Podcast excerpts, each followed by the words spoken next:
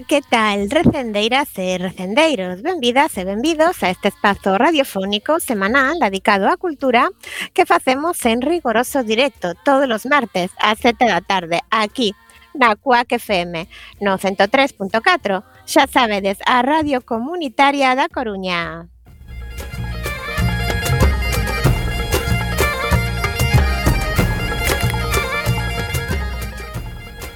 A Agrupación Cultural Alexandre Bóveda presenta este programa que podedes escoitar en directo a través da internet na páxina da emisora coacfm.org barra directo e tamén na aplicación móvil.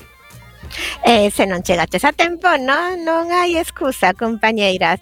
Podedes descargar todos os programas xa emitidos no Radioco, o megapodcast da nosa emisora ou tamén podedes escoitalo na redifusión, que será os mércores ás 8 da mañá, os venres ás 16 horas e na madrugada do domingo ao luns ás 12 da noite. E a partir de agora, seguídenos nas nosas redes sociais, tanto deste programa recendo como da propia agrupación cultural Alexandre Bóveda, que teñen abertas as súas canles en Instagram, Twitter e Facebook ou na web a Sempre estar con meu amor.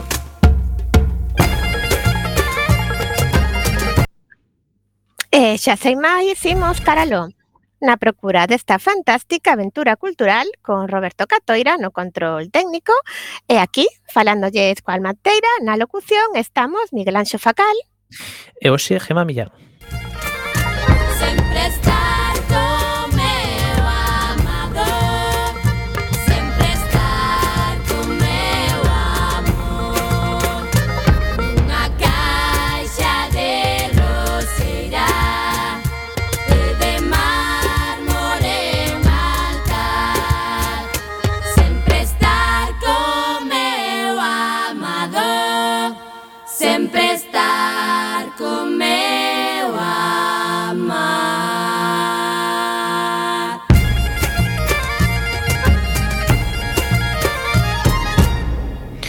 Este é o noso programa número 375. Contaremos como convidada con Yolanda Castaño por ser unha das primeiras autoras en publicar este ano un libro sobre Xela Arias, a homenaxeada co Día das Letras Galegas 2021.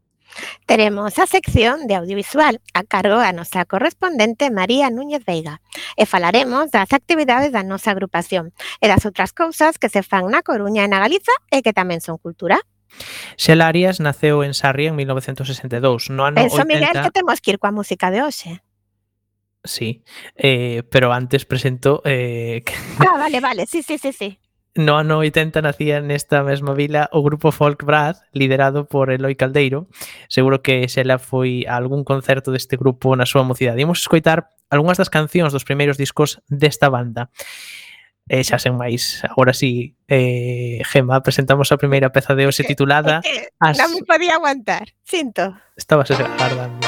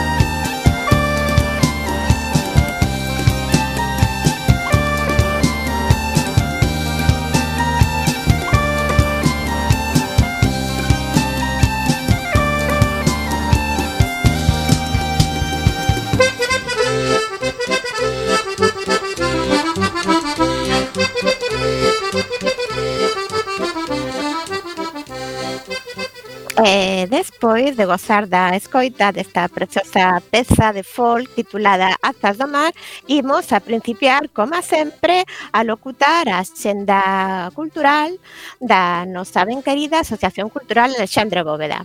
Principiamos co mércoles 5, porque hai unha presentación de correspondencia entre Manuel María e Xosé Neira Vilas, 1947-1997, de Manuel Ferreiro e Xosé Ramón Freixeiro Mato, catedráticos da UDC. Será no noso local, xa sabedes, na Rúa Olmos, ás 19.30 horas, e para poder asistir hai que cubrir un formulario na nosa web O xove 6 realizaremos unha visita guiada á exposición Galiza Mártir da queda do tempo republicano ao exilio. A guías da visita será a cargo de Uxío Breogán Dieguez Zequiel, director da Cátedra de Memoria Histórica da UDC. Comeza a 7 da tarde no segundo andar do espazo normal da UDC e para poder asistir hai que cubrir un formulario na nosa web. E o mércores 12 presentamos Mociñas, de Luis Mary Alcott, traducida por Rocío Vieites Ferro. Participarán, ademais da traductora, Prudencio Viveiro Mogo, Por edicións Laio Bento, Luis Merialco describiu Mociñas, un clásico da literatura universal no século XIX.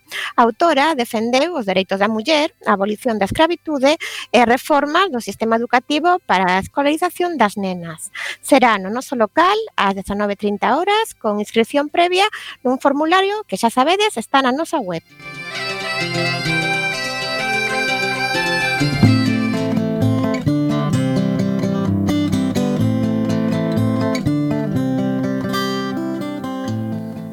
Comezamos agora coa axenda da nosa cidade, a Coruña, no eido audiovisual. Na nosa humilde opinión, o máis destacado no Cegai esta semana é a proxección de A miña noite con Maú, dirixida por Eric Romer no ano 1969. Poderedes vela o mércores 5 e o xove 6 a 7 media con entrada de balde. Ao comenzar maio, toca un novo documental do mes. Nesta ocasión, exíbese Como roubar un país, no que un grupo de xornalistas de investigación destapa un caso de corrupción no que está implicado Jacob Zuma, quen foi presidente da República de Sudáfrica ata o 2018. Será hoxe martes 4 ás 20 horas no Centro Ágora. Outra perspectiva totalmente diferente ofrécenos a coproducción colombiana-europea Os Fungos que conta a historia de Nivel e Calvin, dous grafiteiros de Cali con vidas moi diversas. Será dende o xove 6 ata o sábado 8 no Foro Metropolitano. E imos agora xa coas artes escénicas. A magnífica compañía ourensán de teatro Zarabela traenos a súa nova obra Crónicas do Paraíso. Madame de Nancy, Clarina e Xandorne viaxan cara ao funeral de Madame de Kelvin acompañados polo clérigo do Xantre. Durante a noite que pasan xuntos confúndese a morte coa vida e o drama coa comedia. O seu competente elenco únese esta vez Fran Lareu, un novo valor do teatro galego Lugo. E a outra novidade é que a obra foi escrita e dirixida por Gonzalo Ferreiro. Estará en Esea o sábado 8 ás 20 horas no Teatro Rosalía de Castro. A terra non é miña, eu son da terra. Esta é unha das premisas principais do libro O home que plantaba as árbores, de Jean Giono, versionada pol, en galego pola compañía M2 e a actriz Mercedes Castro. É o sábado 8 ás 6 e media no Foro Metropolitano.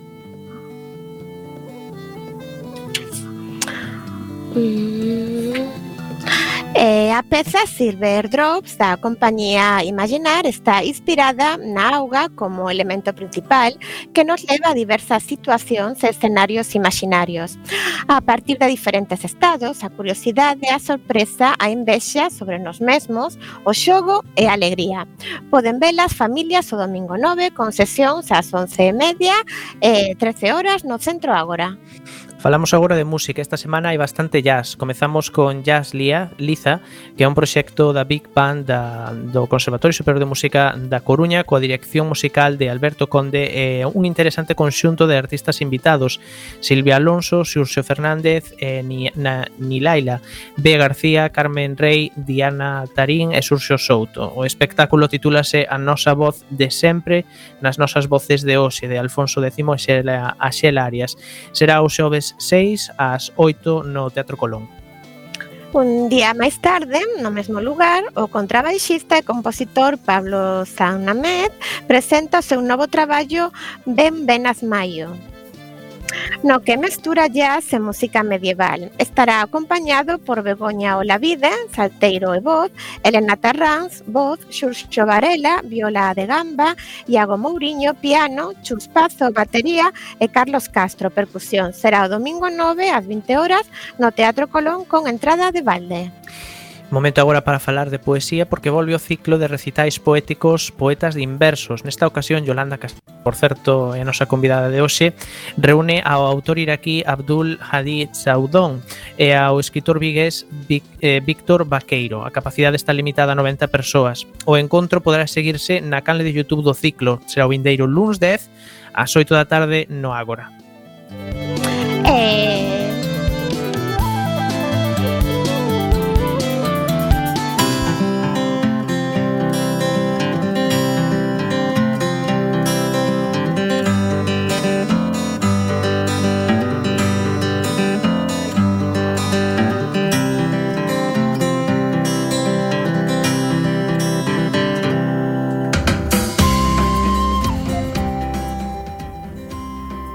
Imos aló coa Xenda Cultural da Galiza.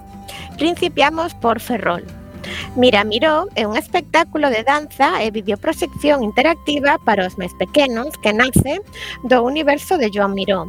Interpreta a compañía Valdanza cos bailaríns Aina Pascual, Catalina Carrasto e Gaspar Morey. Actúan o domingo 9 ás 12.30 horas no Teatro Jofre. En Lugo, unha muller que leva no seu corpo a pegada da violencia obstétrica sufrida durante o embarazo e o parto, narra a súa historia dun xeito directo, aberto e autocrítico. Iria Piñeiro gañou con a anatomía dunha serea o premio María Casares 2019 a mellor actriz protagonista e mellor texto original. Actúa o xove 6 ás 8 e media no Auditorio Gustavo Freire. Imos ata Vigo, porque volve o Festival Terraceo Auditorio Mar de Vigo. O barcelonés Carlos Sadnez cruzou as fronteiras nacionais rompendo récords de venda en Latinoamérica, onde as entradas voan en tan só uns minutos. Presenta o seu cuarto disco titulado Tropical Jesús. Actúa o sábado 8 ás 20 horas.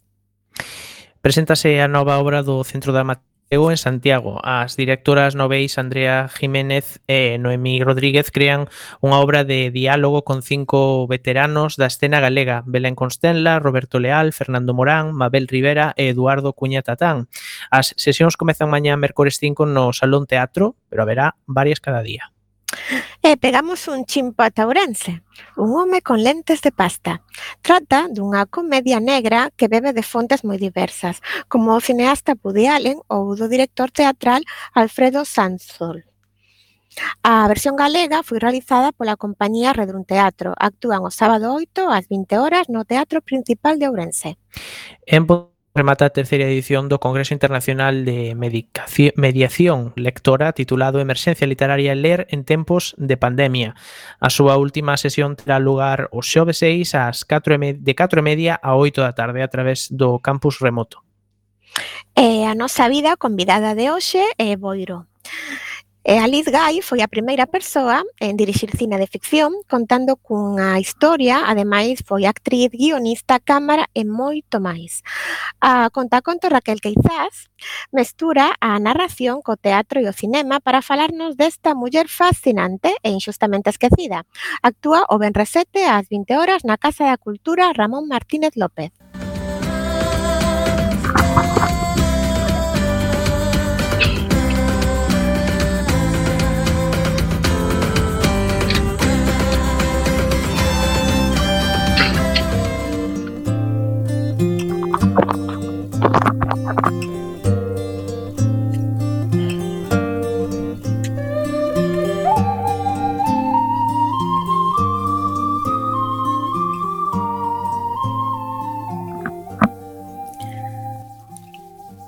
A unidade componse da desorde.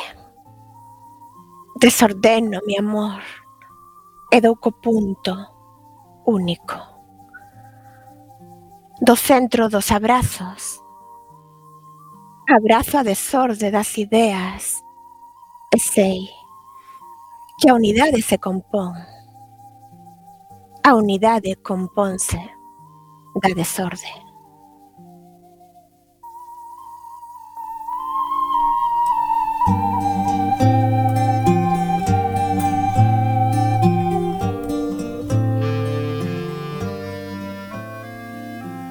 Acabades de escoitar un poema de Xela Arias, a nosa homenaxeada, co Día das Letras Galegas do 2021, extraído do seu derradeiro poemario publicado titulado Intemperiume, publicado no ano 2003.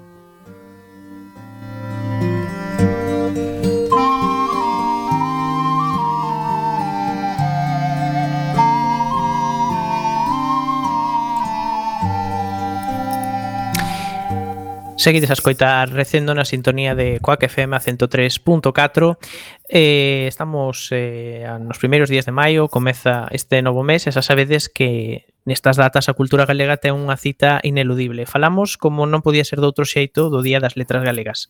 O ano pasado a celebración quedou un tanto deslucida por mor da pandemia e aínda que non nos sacamos de riba o virus, este ano as celebracións poderán seguirse cun pouco máis de normalidade. Hoxe seguimos coñecer un pouco máis sobre a figura da homenaxeada que non é outra que a poeta Xela Arias. Para introducirnos no apaixonante mundo de Xela Arias, contamos cunha colaboradora excepcional. A nosa convidada de hoxe non é outra que a tamén poeta Yolanda Castaño. Antes de saudar a Yolanda, imos eh, dar uns pequenos apuntamentos sobre a figura de Xela Arias a modo de introducción. Xela Arias naceu en Sarria Pero moi noviña, toda a familia trasládase a Vigo, cidade a que Xela Arias manteríase toda a vida ligada. Deixou os seus estudios en COU no 79 para unirse ao recén nacido proxecto de edición Xerais. Alí encargouse ao comenzo de traballos de oficina, para logo adicarse a investigación, a edición e a corrección de estilo.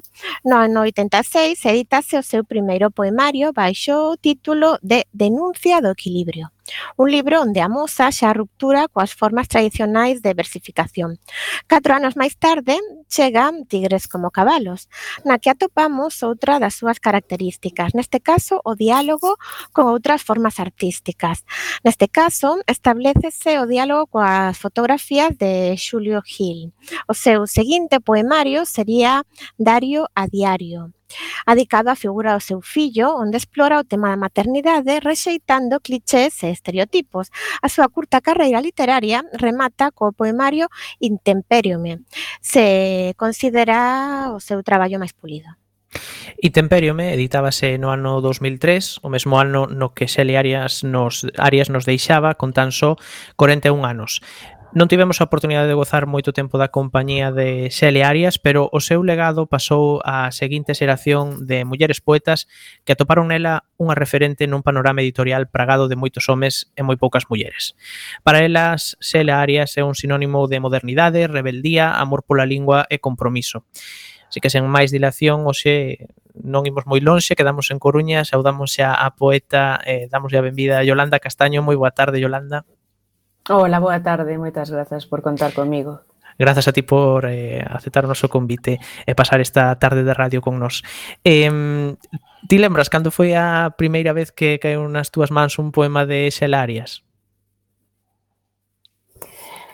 Pois eh, a verdade é que non, non son a persoa co, maio, co, máis dotada de memoria, eh, todo se me eh, mestura nunha especie de, de nebulosa difusa na que non sei sequera se coñecín antes a compañeira ou a poesía. Non? Coincidíamos na, naqueles, naquela segunda metade dos 90 en actos culturais, en eventos, eh, eu pois coincidía con ela, pues, eh, en, en recitais, na presentación de daquelas que cantan, por certo, un disco con música de Rodrigo Romaní, eh, promovido pola Fundación eh, Rosalía de Castro, que de feito imos eh, recordar, non? relembrar este sábado na propia fundación con algunhas das que quedamos pois neste mundo e, e outros eventos nos que enseguida me deixei fascinar pola personalidade magnética de Xela Arias e dende logo tamén polos versos que saían desa boca. Ao mesmo tempo, pois ia pescudando nos seus traballos, nos diferentes libros, eh, fascinándome co, con unha autoría que sería referencial para min como moita, para moitas de, das miñas compañeiras. Uh -huh. Falas de, de, de, de que pois constitúe un referente, non? Cal é a verdadeira importancia de que as mulleres que vos dedicabades á poesía ou que tiñades interese na poesía, pois de atopar ese referente tamén da, da vosa terra?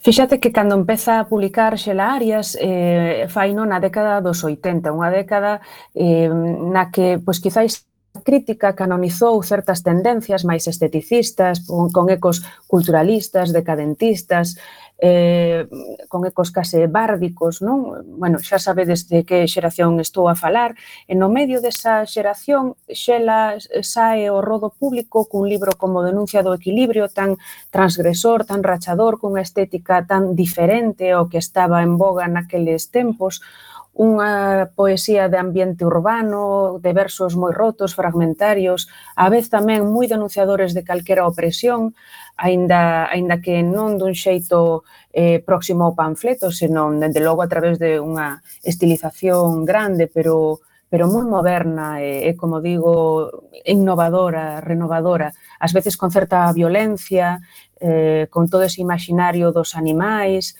e, e con eses xogos fónicos e con esa, ese achegamento á linguaxe desde unha actitude tan experimental.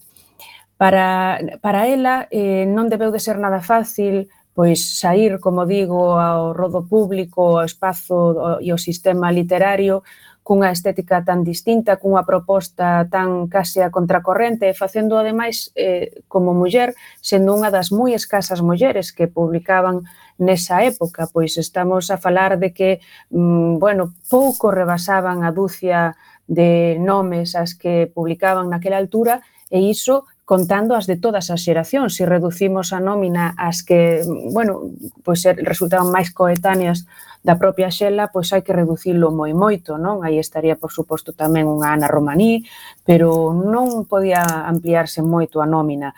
Parece, mm, sempre parece máis doado do que é eh, facer unha nova proposta, non camiñar adiante, abrir eh, novos pasos, abrir novas sendas cando carecemos de, de mm. modelos eh, polos que guiar e incluso de, de grupos que nos amparen. E Xela fixo sempre en solitario, sin, sin paraugas que a protexesen, e, e aínda así foi capaz de deixar pega, a súa pegada, non?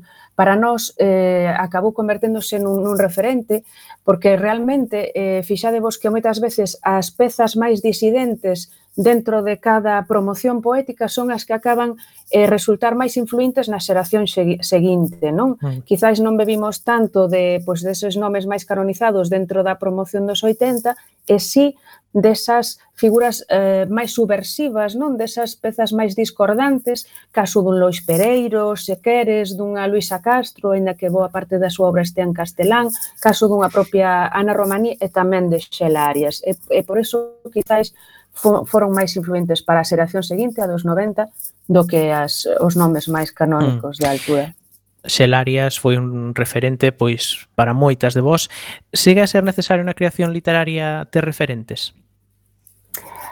A ver, eu eh, creo que mm, isto ocorre en todos os eidos, quero decir, até ver o boquete eh, temos comprobado que era moito máis complicado para unha rapaza lanzarse ao mundo do fútbol, non? Eh, basta que se cree unha figura e ademais pois eh, capaz de dignificar o oficio e capaz de, de legitimar ese, ese camiño para que outras podan mesmo plantexarse, mesmo pensar en, en desenvolver unha actividade así. Eh, así que pois, sempre bueno, camiñar un pouco menos soa, non? máis amparada por, polas complicidades e pola rede sororal sempre axuda a refrendar eses pasos que, que como podemos ver nos pasos masculinos, eh, xa veñen refrendados de, de seu. Non?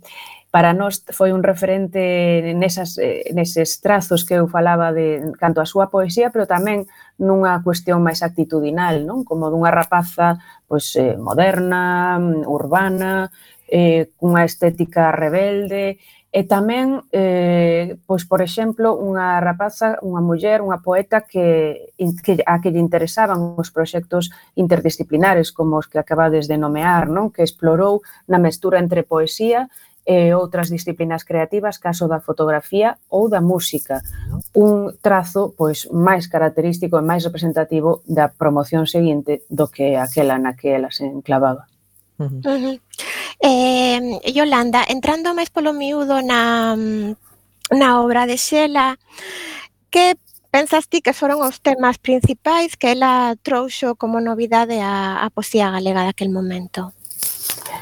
Bueno, eh, ou temas, ou tons, ou ambientes, non? Porque ás veces eh, a poesía non só comunica temas, claro. Entón, pois, eh, quizáis ese, ese escenario urbano eh, é bastante renovador para a altura, xa que moitas das poéticas que triunfaban naquel momento, pois eran un pouco máis máis bucólicas, se queres, non? máis relacionadas ca natureza ou cunha estilización da natureza. E ela trae unha proposta urbana e, ademais, eh, nada edulcorada, que ese tamén outro dos trazos innovadores dela, non? Unha, unha cidade moitas veces nocturna, underground, das marxes, eh, da noite, eh, eh iso, pouco, pouco idealizada, non?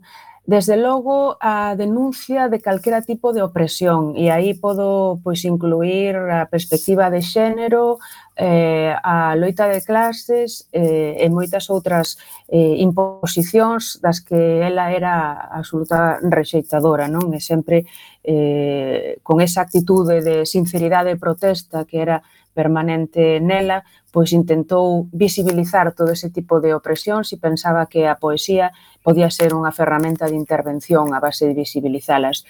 E, pois, finalmente, por suposto, por suposto, un dos grandes terreos da innovación temática en Xelarias é o da maternidade, que ata que ela a trata, pois aparece tocada por unha maior eh, idealización, eh, dende un ton pois tamén un pouco edulcorado, idealizador e dende logo de fondo patriarcal. Non?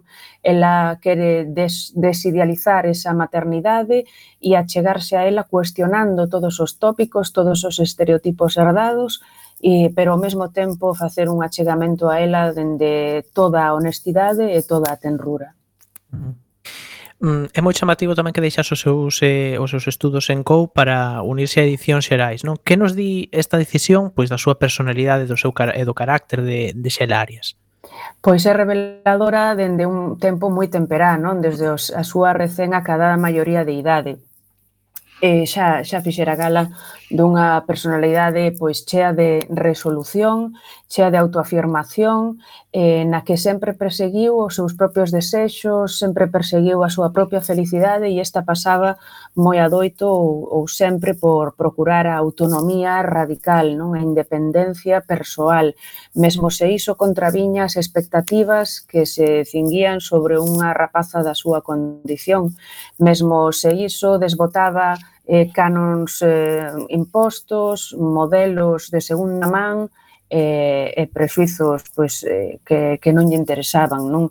Ela procuraba esa independencia, polo tanto a, pen, pensaba que o un, un desenvolvemento profesional podería traerlle esa independencia económica que, que lle daría unha vida propia, unha, un camiño propio que seguir. Non?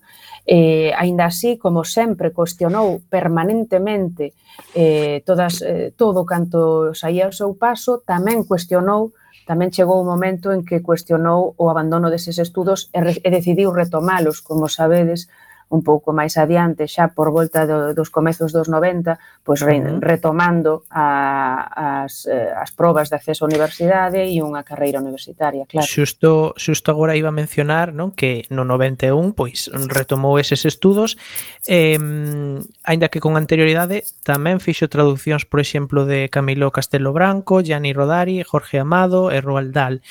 Era Selarias un autodidacta cunha vasta cultura? Ti que dirías?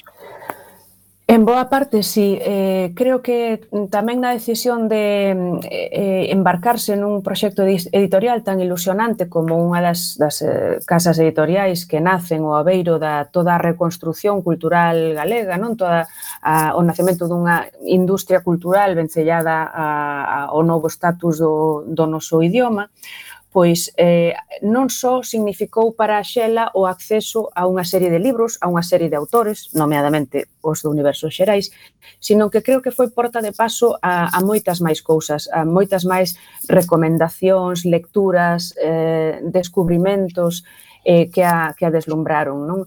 Ainda así, temos que recordar que Xela xa viña dun contexto eh, pois con moito contacto co galeguismo, con moito contacto coa intelectualidade galeguista, eh, xa dende o seu pai e a súa propia familia, non? El, por, polo, polo fogar dos Arias Castaño pasa estaban pois unha chea de, como digo, intelectuais galegos, pois dende Otero Pedrallo ata Ramón Piñeiro, pasando por Manuel María, Xaime Couto, Camilo Nogueira, eh, Francisco Fernández del Riego, eh, Julián Maure, non? Eh, eran, era moito o contacto que tiña con eses intelectuais que con moita frecuencia pasaban polo fogar dos Arias Castaño e deixaban libros para os nenos, os cinco fillos de Amparo e Valentín, libros en galego, libros tamén en castelán e libros, por certo, tamén en portugués. Eh, foi sorprendente para Xela o, o paso tan doado que tiña unha a unha lingua que algúns consideraban unha lingua estranxeira, non? E iso fixoa pois eh, moi políglota, moi moi eh, dominadora deses tres eh, idiomas, desas tres linguas, eh, e por iso unha nena moi en contacto coa lectura. Na casa dos Arias Castaño sempre había un despacho de papá eh, repleto de libros até o teito, non? Os nenos mesmo competían, os irmáns maiores, nesa típica rivalidade entre irmáns tan estimulante, competían metían a ver quen tiña máis méritos na clase, quen lía máis libros, quen lía os mm. libros máis gordos, de maneira que sempre sentiu ese estímulo, ese amor polos libros, ese amor pola lectura que significou un paso tan doado para ela poñerse a escribir. Hmm. Pois Yolanda, imos eh, en breve continuar eh, falando de Xele Arias e coñecendo a, a autora que este ano se dedico Día das Letras Galegas, pero agora que pasan uns minutiños das sete e media da tarde, imos xa comezar a nosa sección de audiovisual.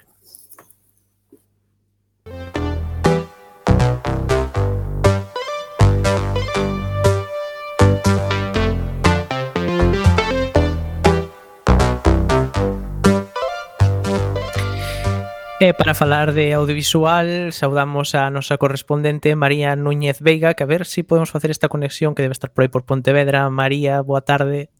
Hola, boa tarde. Hola, boa tarde. Escoítase perfecto, María. Isto das novas tecnoloxías na radio é unha maravilla. Que nos contas do audiovisual? Como está sobrelevando a industria eh, a volta a certa normalidade? Pois mira, eh, eu penso que ben, porque está volvendo a retomarse todo. E agora mesmo eh, do que ia falar mm, eh, na sección eh, da presencia galega, de feito, eh, nunha das citas máis importantes, eh, culturais máis importantes da cidade de Barcelona, do DEA Film Festival, que na súa undécima edición deu comezo 20, o pasado 29 de abril e finalizará o próximo 9 de maio eh, co, conta cunha serie de obras de galegas de, de bastante importanza. Uh -huh.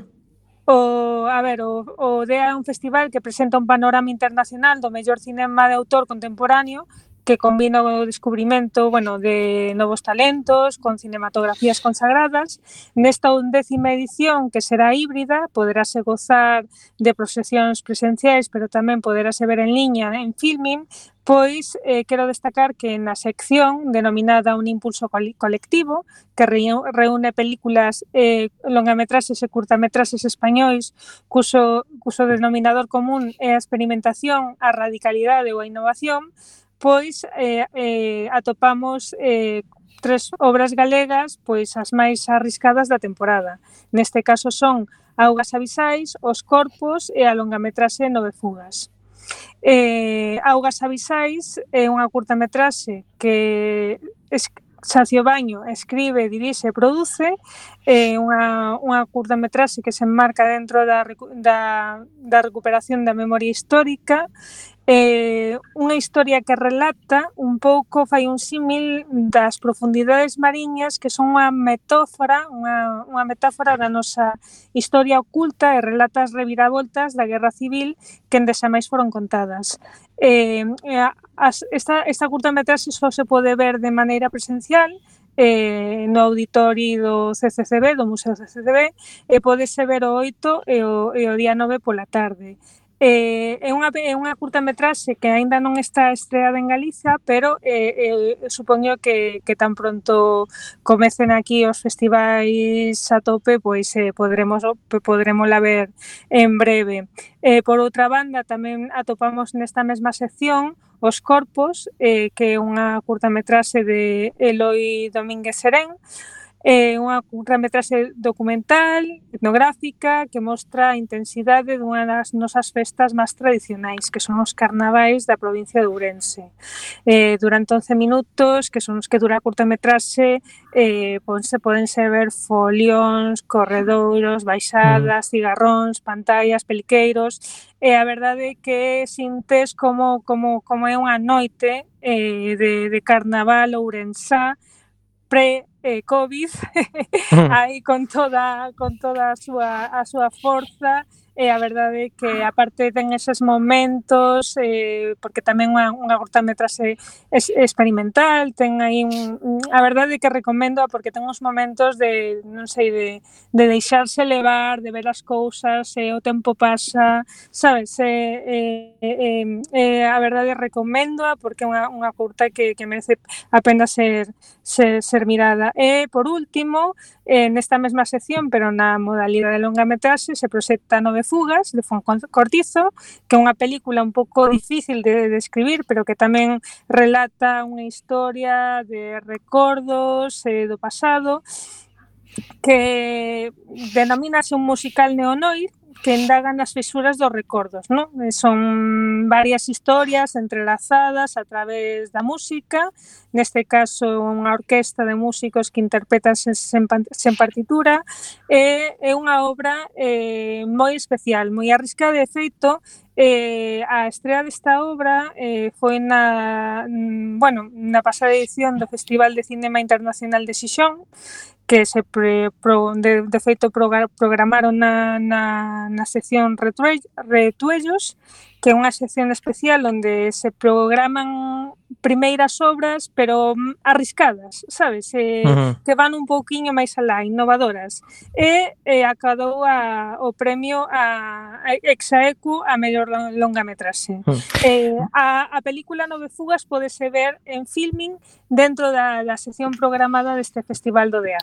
Pois pues perfecto, non lo apuntamos, sí, sí. Sí, E moi brevemente, eh, isto todo eh, fora das nosas fronteiras. Sábese por aquí está previsto retomar eh, os festivais de cine como antes? Sí, sí, todos, todos, todos volven, uh -huh. volven todos e con forza, eh, todos en, Hai ganas en, de festival de cine entón. Sí, sí, eh, todos en, en, en ou semi ou híbrido tamén, online, uh -huh eh, eh, presencial, todo retoman a presencialidade, estive mirando, eh, eh, o que pase que a, a maior parte deles atrasan un pouquiño as súas datas.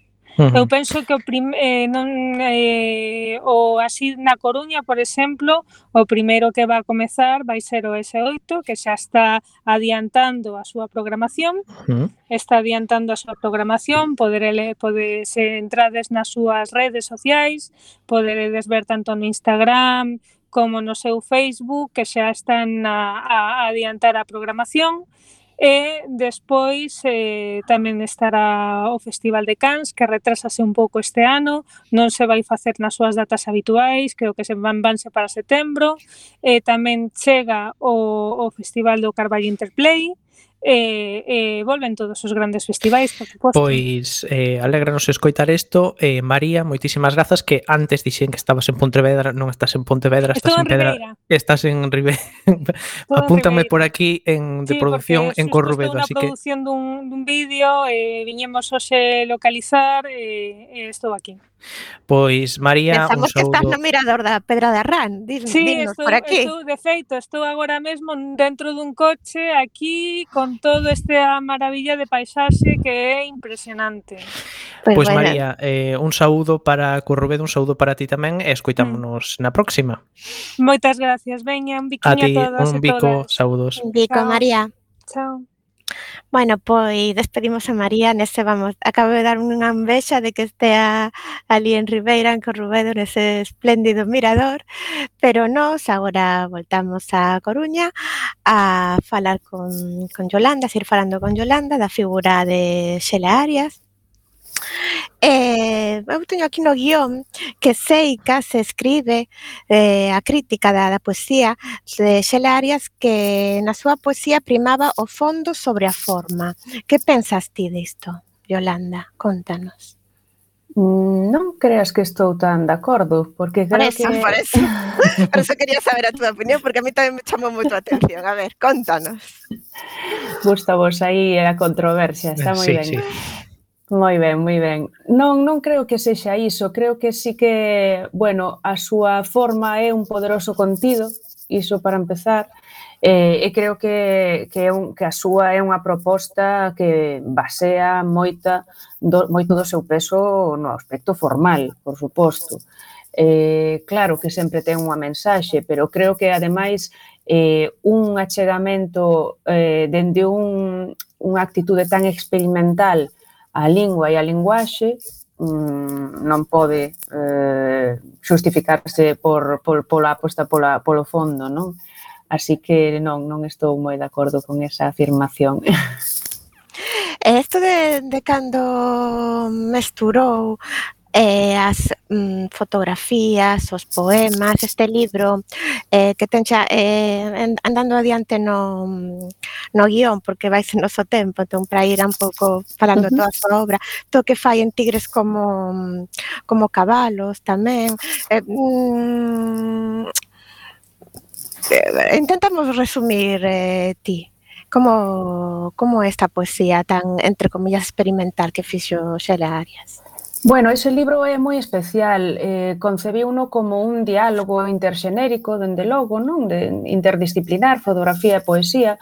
Os autores Xulio Gil, fotógrafo, eh, e Xela Arias, poeta, eh, pois eh, concebiron 24 poemas e 24 fotografías, eh, e, eh, intercambiáronas, e a partir de aí o fotógrafo tivo que eh, facer 24 fotografías máis inspiradas eh, nas, nos poemas de Xela e a poeta tivo que facer 24 poemas máis inspirados neses, neses, eh, nesas imaxes. Non? De maneira que non quedase claro se, si fose, se si fora antes o, o impulso creativo mm, visual ou literario, non? De maneira que non parecese eh, que estivesen colocados eh, pois nunha orde xerárquica determinada, non? Sinón que uns alimentasen a outros. Eh, iso deu un libro, como sabedes, moi chamativo, que mesmo chegou a escandalizar uh -huh. a sociedade lectora galega, que baixo o meu punto de vista en 1990 non estaba suficientemente madura para unha proposta como esta.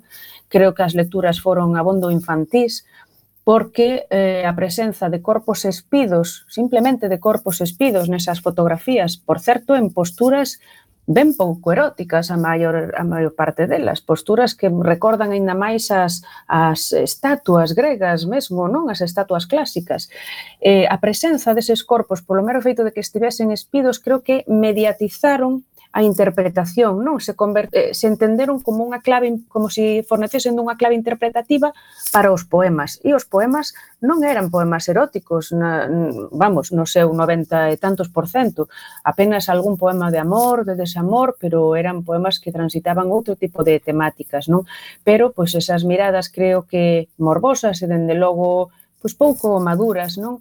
Eh, se pousaron pois precisamente en aspectos eh, superficiais que, que malentenderon eh, certa proxección do libro. Mm.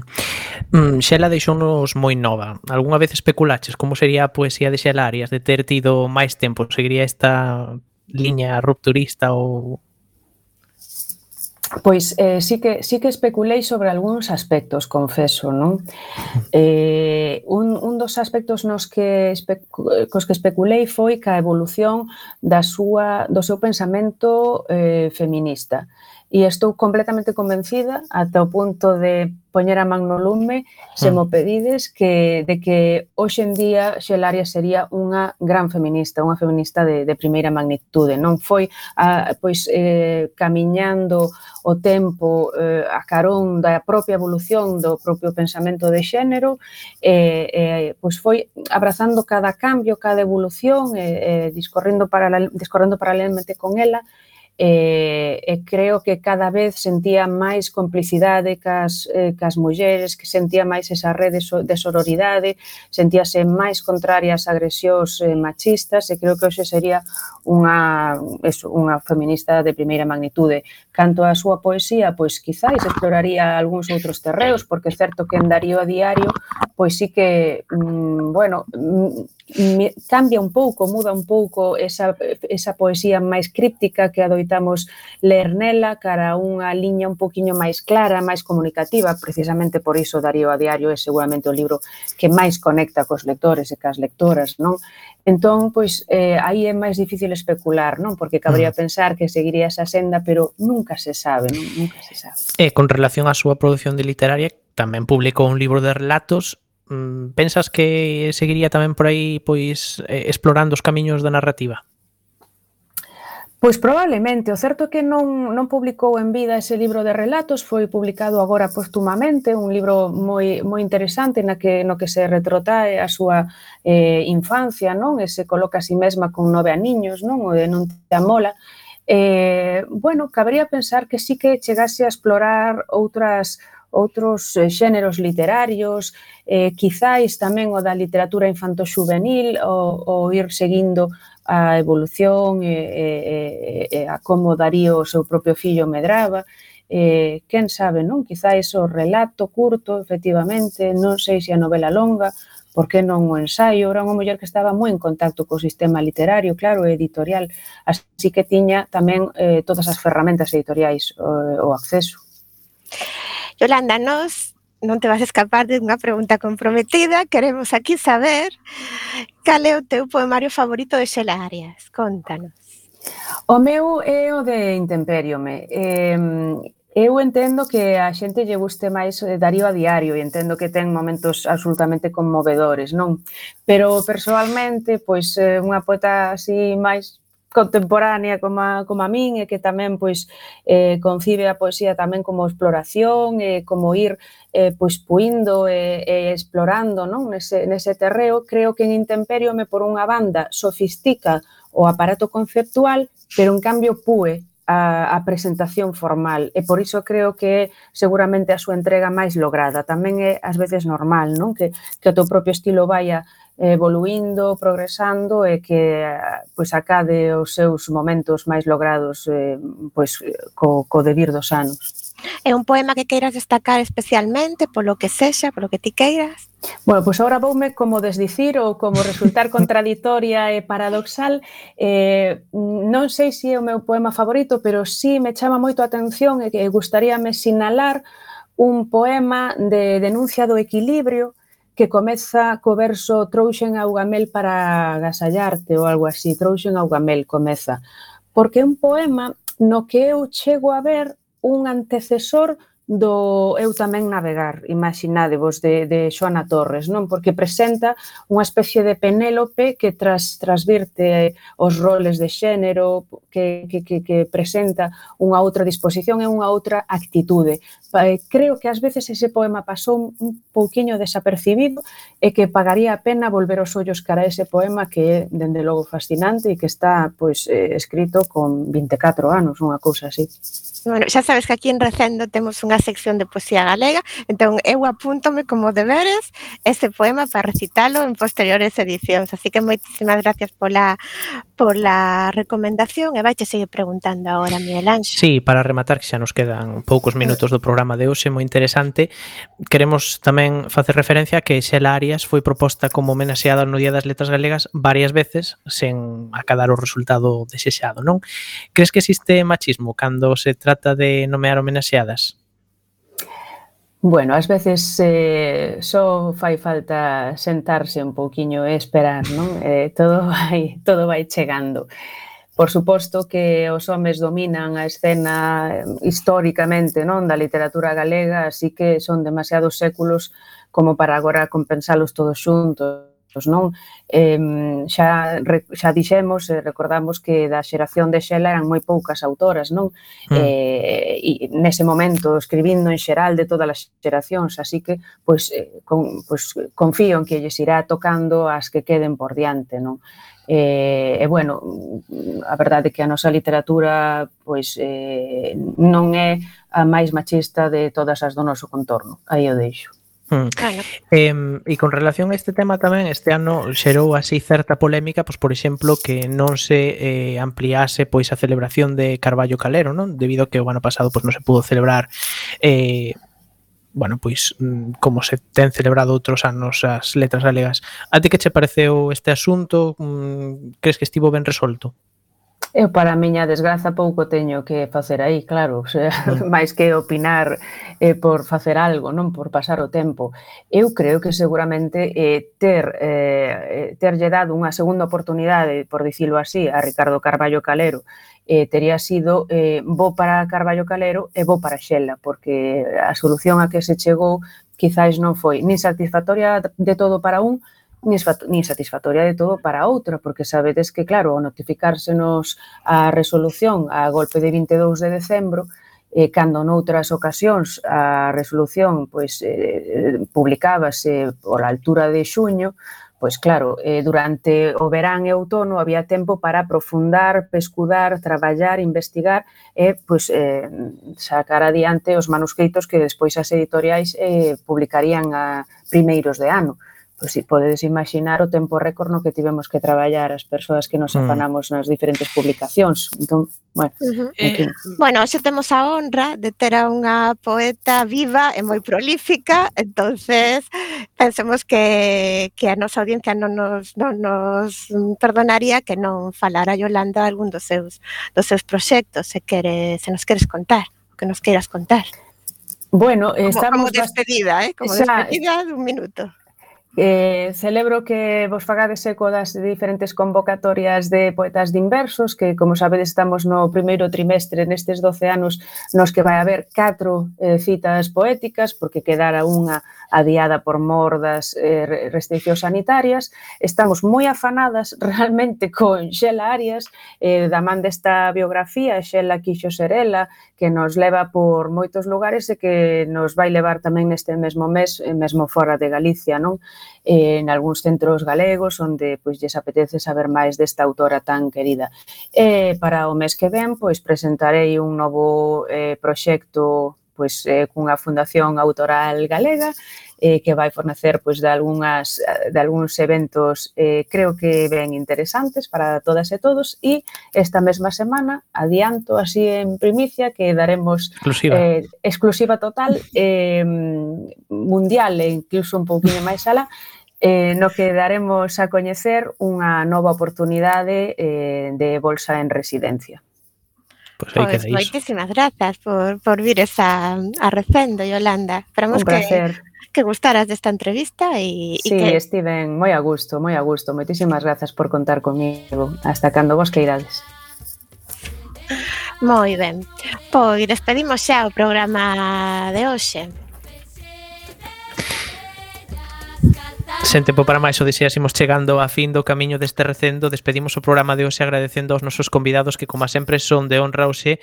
Eh, estivo connosco Yolanda Castaño para falar de Xela Arias e tamén eh, María Núñez Veiga, nosa correspondente de audiovisual. E agradecendo a semente a pedra angular de todo no noso comando o equipo de produción formado por Javier Pereira, Gema Millán e Roberto Catoira. E aquí estivemos Roberto Catoira nos controis e coalento no micrófono Miguel Anxo Facal e Gema Millán.